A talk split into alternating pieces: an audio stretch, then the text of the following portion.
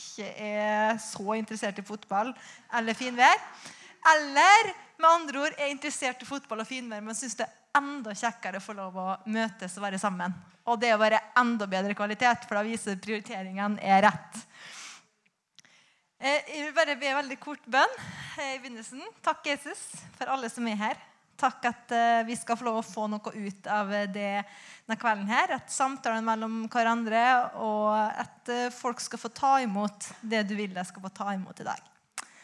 Amen. Ja, så Jeg heter som sagt Victoria Smenes, og jeg er gift med verdens beste mann. Eh, jeg har en mor som sa at det må du slutte å se. For Jeg kan ikke komme på noe bedre å si noe annet å se. Men jeg har lært fra jeg var liten av at jeg skal se sannheten, og sånn er sannheten.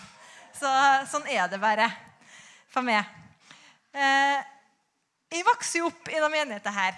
Jeg husker at jeg var liten og sto her og sang. og Jeg har heldigvis slutta med det, da, men jeg får lov å begynne å snakke. Så det er en oppgradering for, for deres del. At uh, dere skal høre meg snakke istedenfor å synge. Eh, og nå får jeg bo i Kristiansund.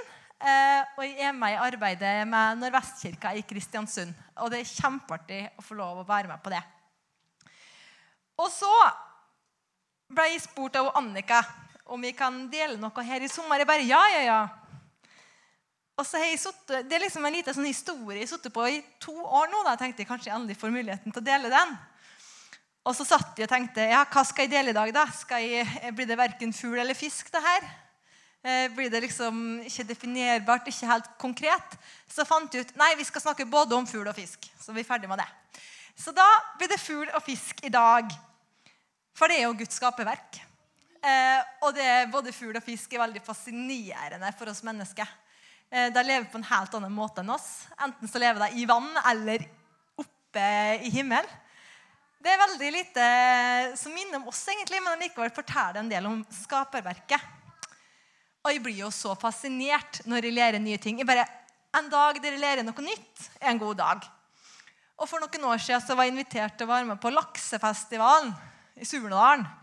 Det høres jo ikke sånn woho ut for jeg er ikke så glad i laks. Men jeg ble lakseentusiast. For på den laksefestivalen så fikk jeg lære litt om villaksen. Den blir jo unnfanga oppi ei elv, langt oppi ei elv, oppi en kulp. ikke sant? Og der er en liten, da kalles den for smolt. Så er den som en liten smolt oppi en kulp oppi ei elv. Gjerne i Surnadalen eller andre plasser. Det fins sånne lakseelver overalt. Vi har her i Fræna her. Og så, når den vokste stor etter noen år, så finner laksen på at Oi, jeg har vært oppi denne kulpen og denne elva her i ferskvann hele livet. Nei, men da fer jeg bare ut i sjøen, i saltvannet. Og så bare fer den over elva, så fer den ut i sjøen. Og greier seg fint. For den er skapt til å gjøre det. Og etter mange år i sjøen så kommer han plutselig på Nei, men nå vil jeg tilbake til elv. Og når han kommer på det, så er det ikke bare han kommer tilbake til elv, men han kommer tilbake til samme elva som han kom ifra. Og ikke bare at villaksen kommer tilbake til samme elva, men han fer helt opp til samme kulpen han sjøl ble unnfanga i. Jeg blir også fascinert. Hvordan Gud skapt fisken, liksom? Villaksen. Jeg er fortsatt ikke så glad i å ete villaks, men jeg er veldig fan av villaksen. Den må vi ta vare på, for det forteller litt om Guds skaperverk og genialitet. Hvordan det er skapt ting. Til å komme fra ferskvann til saltvann, tilbake til ferskvann, tilbake til opphavet, tilbake til der ting starter. Og sånn er det litt med oss mennesker. Jeg vet Gud han, han unnfanger oss. Han er satt og ser på jorda. Han vil at vi skal leve et spennende liv, og han vil at vi skal komme tilbake til han. Er det ikke bra? Og det er to forskjellige, helt forskjellige omgivelser og forskjellige opplevelser. Men det er viktig å få oppleve denne verden her, og få lov å gjøre noe godt i verden og få lov å virkelig leve livet her. Og det er vi skapt til. Så blir jeg jo litt sånn fascinert over eh, ikke bare fisk, men eh, det at Gud skapte fisken så genialt. Hva sier det om hvor genialt han skapte oss? Hvor stort det er i forhold? For Jesus han snakka veldig mye lignelse. Altså, I stedet for å bare fortale om ting, så fortalte han historier så folk kunne forstå. Så det var enklere å få fram poengene sine. på en måte.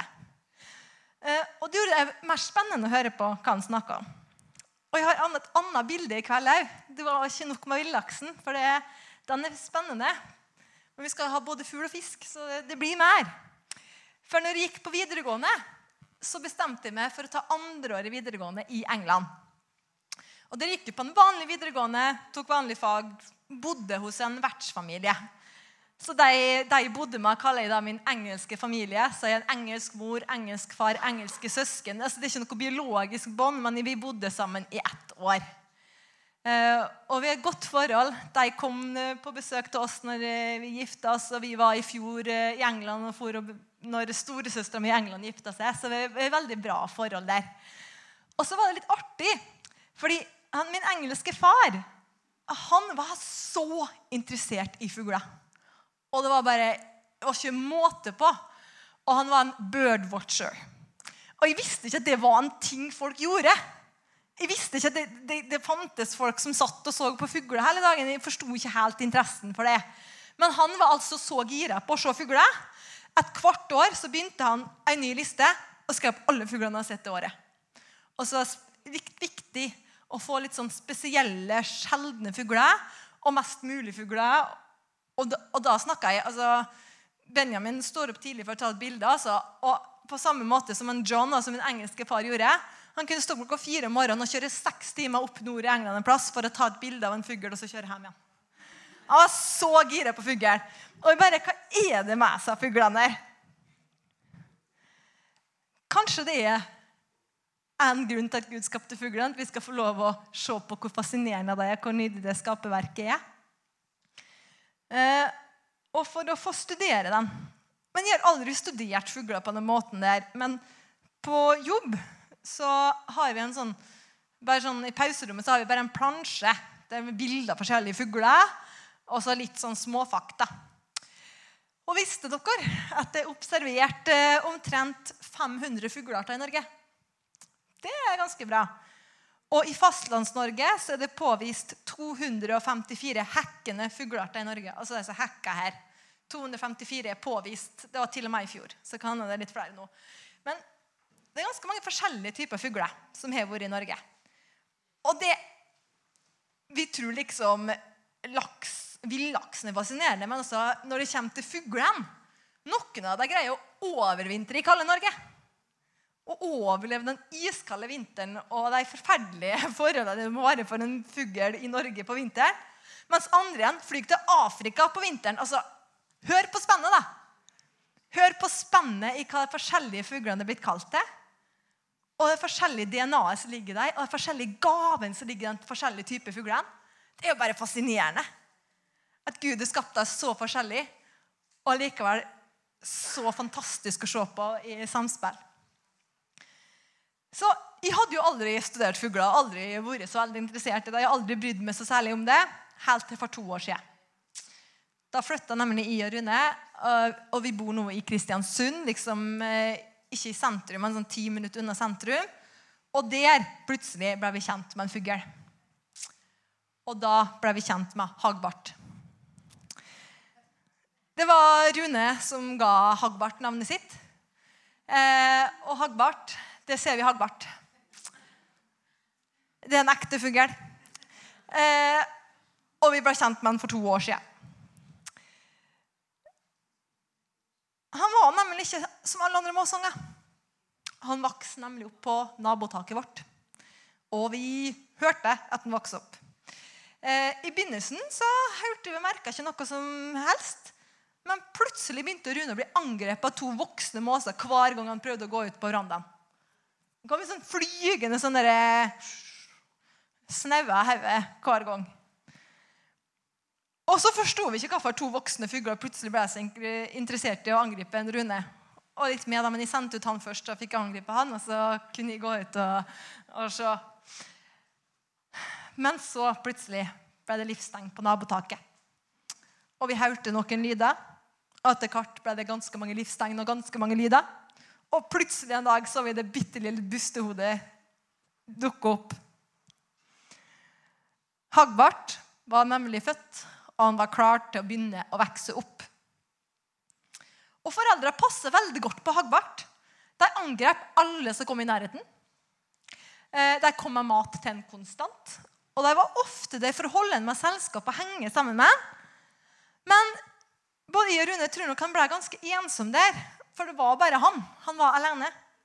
Og han var vokst opp midt i et byggefelt langt over alle berger, som var mye lenger ned. Og han vokste og vokste, og det var jo kjekt å se på. Og til slutt en dag så vi altså ta bildet her, og vi fikk ta ta bildet her for to år siden. Og vi snakka mye om en Hagbart og Rune. Hva en Hagbart gjør i dag. Og så plutselig kom den dagen Hagbart ikke har forstått kom til å komme så fort. Det var nemlig at det var på tide at han skulle komme seg ut på egen hånd. Han prøvde å flakse med vingene sine, men kom seg ikke av flekken. Og fortvilelsen var stor. Han prøvde og prøvde, men forsto bare ikke hvordan han skulle få komme seg av gårde. Foreldra flaug ring framfor ham bare for å illustrere og vise hvordan han skulle flakse med vingene. ikke sant? Og de ropte gaula til ham hvordan han skulle gjøre det. Vi fikk med oss det. Han fikk instruksjonen, men han forsto ikke hva han skulle gjøre. Og han, han fikk kanskje med seg litt, men han var bare så fortvila. fordi Nabohuset vårt er ganske høyt. Han bodde på taket. altså det var sånn fall, Fallhøgden var stor, sånn bokstavelig talt. Det var langt for dette ned hvis han detter. Og så, Men en ting han Hagbart så fra det taket der, det var at han kunne se ned på Svaberga, der alle de andre måsungene hadde det så lett. For de kunne bare springe langt over ikke sant? så prøve å flyge litt, og så bare kunne jeg dette litt lenger bort. Det var ingen problem for deg. Og det var mange, ja. Livet var veldig urettferdig for Nagbart, for han vokste opp helt alene og ensom og høy fallhøgde, og alt var bare grusomt. Han hadde liksom andre forutsetninger enn alle andre. Det var urettferdig. Det var ikke så enkelt for han. Og Foreldra til Hagbart gjorde alt de kunne for å vise ham hvordan han skulle lære seg å fly. De, de prøvde alt, de illustrerte, de ropte til ham, de liksom prøvde liksom å oppmuntre ham. Men de kunne jo ikke fly på vegne av ham. Han måtte lære seg å fly sjøl. Da hadde gitt ham mat for å vokse. Da hadde gitt ham beskyttelse mot farer ved å angripe Rune og oss som kom ut. Men det var ikke mulig for deg å sette Hagbart på ryggen og flyge med han resten av livet på ryggen. Det gikk bare ikke. Han måtte lære seg sjøl. Det var flere ting Hagbart strevde med. Han var misunnelig på alle de som hadde det så mye enklere enn han. Kjempemisunnelig. Syntes det var urettferdig at han hadde det sånn som han hadde det. Og han var ensom. Ja, han hadde foreldre som var glad i ham, sånn, men han hadde lyst på flere venner. Følte det var litt sånn urettferdig. Hele livet var litt sånn urettferdig. Han var ensom. Og så var han livredd. For han turte ikke å komme seg ned på egen hånd. Han var livredd for hva som kunne skje da. Og så glemte han å se på virkeligheten og glemte å se på alle velsignelsene han hadde. Han glemte å se på alle mulighetene han hadde. Han glemte å fokusere på at uh, han var jo beskytta. At foreldre hadde jo valgt å bygge et reir til en på en plass uten mange farer. Der det er forbudt for folk å røre bort i fugleegger og, og, plage dem.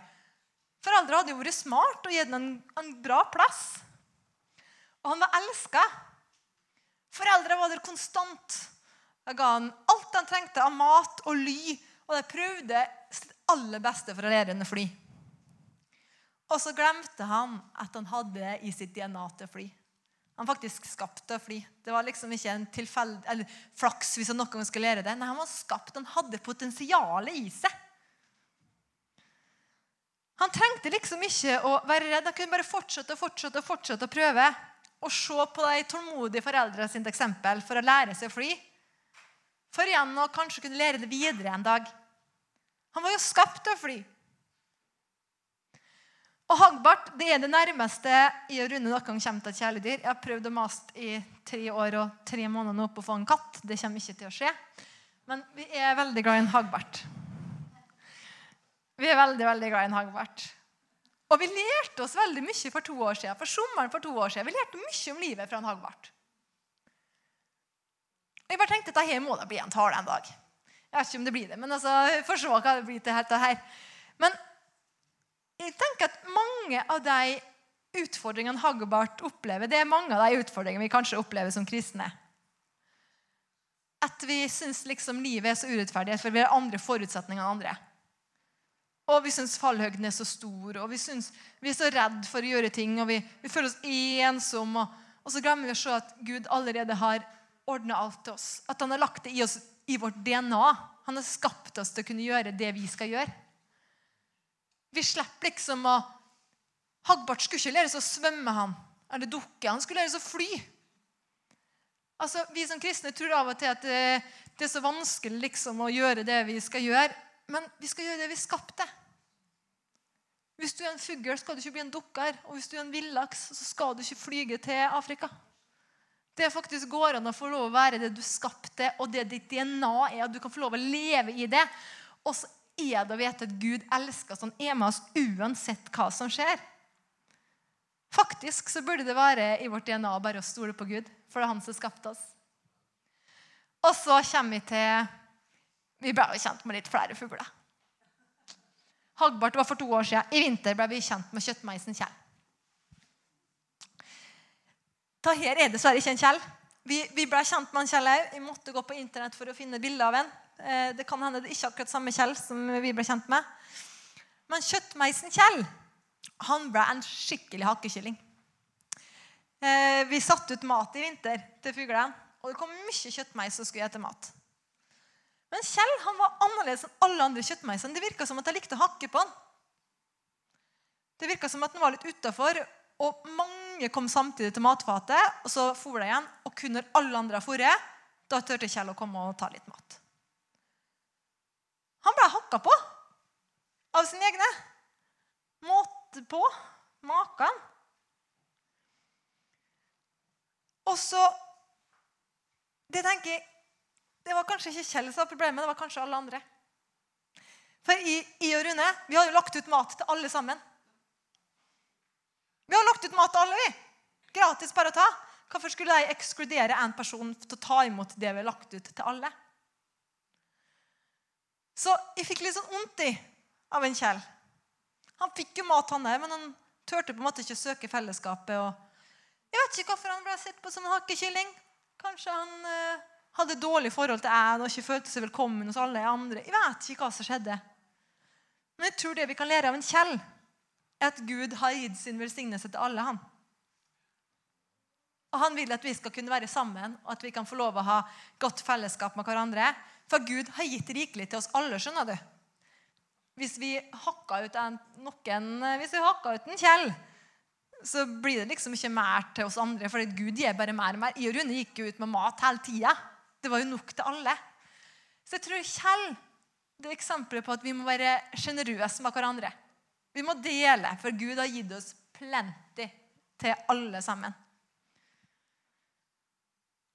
Og Kanskje kjøttmeisen Kjell ikke forsto at det var til han heller. Kanskje han følte at han nesten bare tok noe som ikke tilhørte han.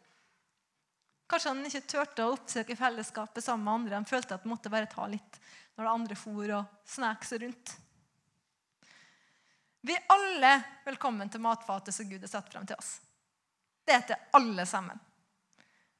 Og Han gir oss forskjellige gaver forskjellige typer mat, så vi skal få lov å inkludere hverandre og finne gullet som er i hverandre. Og som sagt, kanskje Kjell var en kjøttmeis som eh, var en annen kjøttmeis enn alle andre kjøttmeiser. Vi er jo individ, selv om vi ser like ut. Og så ble jeg kjent med Lin Erla Line. Det skal vi få se bilder av. Da her er òg dessverre bare et Google-bilde av Line Erla Line. Men hun er ekte. Hun ble vi kjent med i vår. Og jeg syns det er så talende bilde. Her har vi en fugl som er mest opptatt av å gå og se ned. Så hun ikke flyge så mye, men eh, å gå og se ned det brukte hun mye tid på. Jeg bare 'Hallo, du er en fugl.' av muligheten her. da. Her kan du flyge overalt. Og så bare går du på gårdsplassen og tripper og tripper og tripper. og tripper. Ble nesten litt sånn fortvila på Helene sine vegne. Men hun var veldig tillitsfull. da. Stod og vippa med stjerten og trivdes med livet. og Likte å gå rundt. og jeg bare, Er ikke det litt fint, det òg? Hun fløy litt innimellom meg og likte å bare gå der og trippe og vippe med stjerten. og så ut som hun hadde det veldig bra. Og jeg tenker, det er greit, det. Vi er forskjellige, skjønner du. Trenger ikke flyge til Afrika, alle sammen. Noen trives godt med å gå rundt på grusen og prøve å finne en floge. Det er helt greit. Så det jeg syns var litt sånn fint med Line, Line da, det var at eh, hun var liksom så trygg på omgivelsene sine. Hun var liksom ikke sånn redd og usikker. Kanskje, kanskje litt for naiv da, for litt, for litt for trygg på en måte. Men hun var bare sånn tillitsfull, hele hun. Og kunne kanskje ha tjent litt på å løfte litt blikket og kanskje flyge litt mer og få litt mer overblikk. og sånn. Men jeg tror faktisk Line hadde det ganske bra. Jeg tror det. Og jeg håper liksom bare at Ja, Hagbart Han kom seg ut av redet til slutt, han er. Kjøttmeisen Kjell, han fikk jo mat.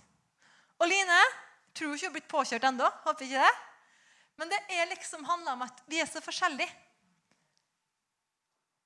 Kanskje det er villaksa her. Kanskje det er kjøttmeisa eller måsa eller line. Eller, eller kanskje det er en fugl som egentlig skulle ha vært i Afrika nå. Og så er vi så forskjellige, og vi er skapt til å være forskjellige. Og jeg syns det er så bra sagt i Matteus 6, fra vers 25 og utover. Da sier Jesus Derfor sier jeg dykk, vær ikke urolige for livet, hva de skal ete og hva de skal drikke, eller for kroppen hva de skal kle dere med. Er ikke livet mer enn maten og kroppen mer enn klærne? Se på fuglene under himmelen. Ikke sår de, ikke høster de og ikke samler de i hus. Men far dykker i himmelen før deg likevel. Er ikke de mye mer enn deg? Hvem av dykk kan med all si uro legge ei eneste alen til livslengda si? Og hvorfor er de urolige for klærne? Se liljene på marka, hvordan de vokser. De strever ikke og spinner ikke, men jeg sier det ikke engang Salomo i all sin, sin herligdom var kledd som en av dem. Når Gud kler gresset så fint, det som vokser på marka i dag og blir kasta i ovnen i morgen, hvor mye mer skal han ikke da kle dykk? de lite truende. Derfor må de ikke være urolige og si hva skal vi ete, eller hva skal vi drikke, eller hva skal vi kle oss med. For alt dette er hedningene opptatt av. Men far dere i himmelen vet at de trenger alt dette. Søk først Guds rike og hans rettferd, så skal de få alt det andre i tillegg. Vær derfor ikke urolige for morgendagen. Morgendagen skal uroe seg for sitt. Hver dag har nok med si møte. Så kanskje vi bare kan få lov å være den vi er. da. Kanskje vi kan få lov å kaste vekk tida, slutte å kaste vekk tida på å bekymre oss eller være misunnelig på andre som har det bedre, eller andre forutsetninger. Livet er urettferdig. Men Gud har nok kjærlighet og visdom og overflod til alle sammen. Han vil møte dere der dere er. Det jeg synes er så godt med Gud, at han, han liksom sier ikke at du får klare det på egen hånd. Han sier bare vet du hva, kom hit, så skal jeg lære deg å fly. Vet du hva, Jeg gir deg mat. Jeg har gitt deg en trygg plass å, å være nå, og så skal jeg få lov å være, hjelpe deg opp. Men så kommer den dagen der jeg skal lære deg å fly òg. Og det, synes, det er litt skummelt for oss mennesker. Så kommer den dagen der den lille laksen skal ut i store havet. Det kan være litt skummelt, men vi er skapt til å komme tilbake til dit vi kom ifra. Og så er det at vi kan få lov å ha med oss Gud på reise og Gud i hjertet hele veien. Det er ikke slik at når vi, når vi flyr ut over himmelen og tar oss en tur til Afrika eller tar oss en tur til Tingvoll eller Tornes Da er han med da òg. Og vi kan få lov å flyge sammen med han. Hagbart har nå blitt stor. Og i år kan Andrea vise hvem vi ble kjent med. I år ble vi kjent med Hagbart sine småsøsken. Er det ikke litt vakkert? Nå er Hagbart en som flyr. Og han er best av alle, jeg er sikker på, for han er mye vanskeligere enn andre. i utgangspunktet. Så jeg er sikker på at Han er mye flinkere enn å flyge enn de som liksom bare fikk prøve på som små berg. Han bare sjosja forbi alle. Jeg er sikker på. Han hadde det kanskje vanskelig, men han kan. Nå kan han. Og nå er det han som kan få lov å hjelpe småsøsknene sine. Det vi opplevde, så har kanskje vært vanskelig, og vi har hatt det vanskeligere enn andre, opplevd kjipe ting. og Kanskje det er virkelig vi kan få lov å bruke som en gave til å vise andre hvordan det går an å komme seg opp av ting. Og hvordan så to stakkarsene her skal få lov å lære seg å fly. Kanskje vi har noen rundt oss. Kanskje vi, en, vi har nok kanskje en liten Hagbart i oss alle. Vi har vært litt redde eller litt misunnelige eller litt sånn, ikke greid å stole helt på Gud. Og sånne ting. Og nå kan vi få lov å fortelle andre vet du hva Gud har gjort i mitt liv. eller? Vet du hva, Jeg har hatt det sånn som du. Vet du hva han gjorde? eller? Vet du hva, Jeg vet faktisk at det, det blir bedre. Vet du hvor artig det er å lære seg å fly? eller? Det, det, er ikke så vanskelig når du bare prøver, for vi er faktisk skapt til å gjøre det. Kanskje vi kan få lov å hjelpe andre til å lære seg å fly. Eller hjelpe andre til å lære seg å svømme ut av elva som virker så trygg, og ut i det store verdenshavet som vi kan så lite om, men som er så veldig spennende å utforske. Gud er så god. Og så vil jeg avrunde med at min favorittsang da jeg var liten, det var sånn blå hefte. Det sto 'Syng' med store bokstaver og utropstegn på. Det var sånn sanghefte vi hadde da jeg var liten. Og hvis du slo opp den helt i midten, sang nummer 63, det var min favoritt.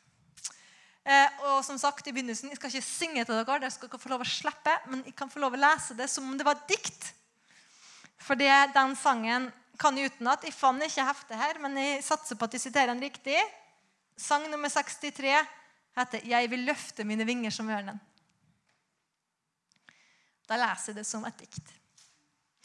Jeg vil løfte mine vinger som ørnen. Jeg vil vente på den rette vind. Jeg vil løfte mine vinger som ørnen. Jeg vil vente på den rette vind. Og når den kommer, vil jeg kaste meg ut vil jeg kaste meg ut og la vinden være meg. Bære meg. La oss kaste oss ut som Hagbart. Ikke utfor et stup, men ut på vinden som kommer. La oss få lov å lene oss på den vinden. La oss få lov å lene oss i Guds armer. La oss få lov å kaste oss på den muligheten han gir oss. Når den rette vinden kommer, så la oss kaste oss ut og lære oss å fly. Og la oss leve det livet vi er skapt til å leve, og med de gavene som vi har fått. Og hvis vi gjør det, så er jeg sikker på at vi alle skal få oppleve hvordan Gud bærer oss gjennom det. Takk for meg.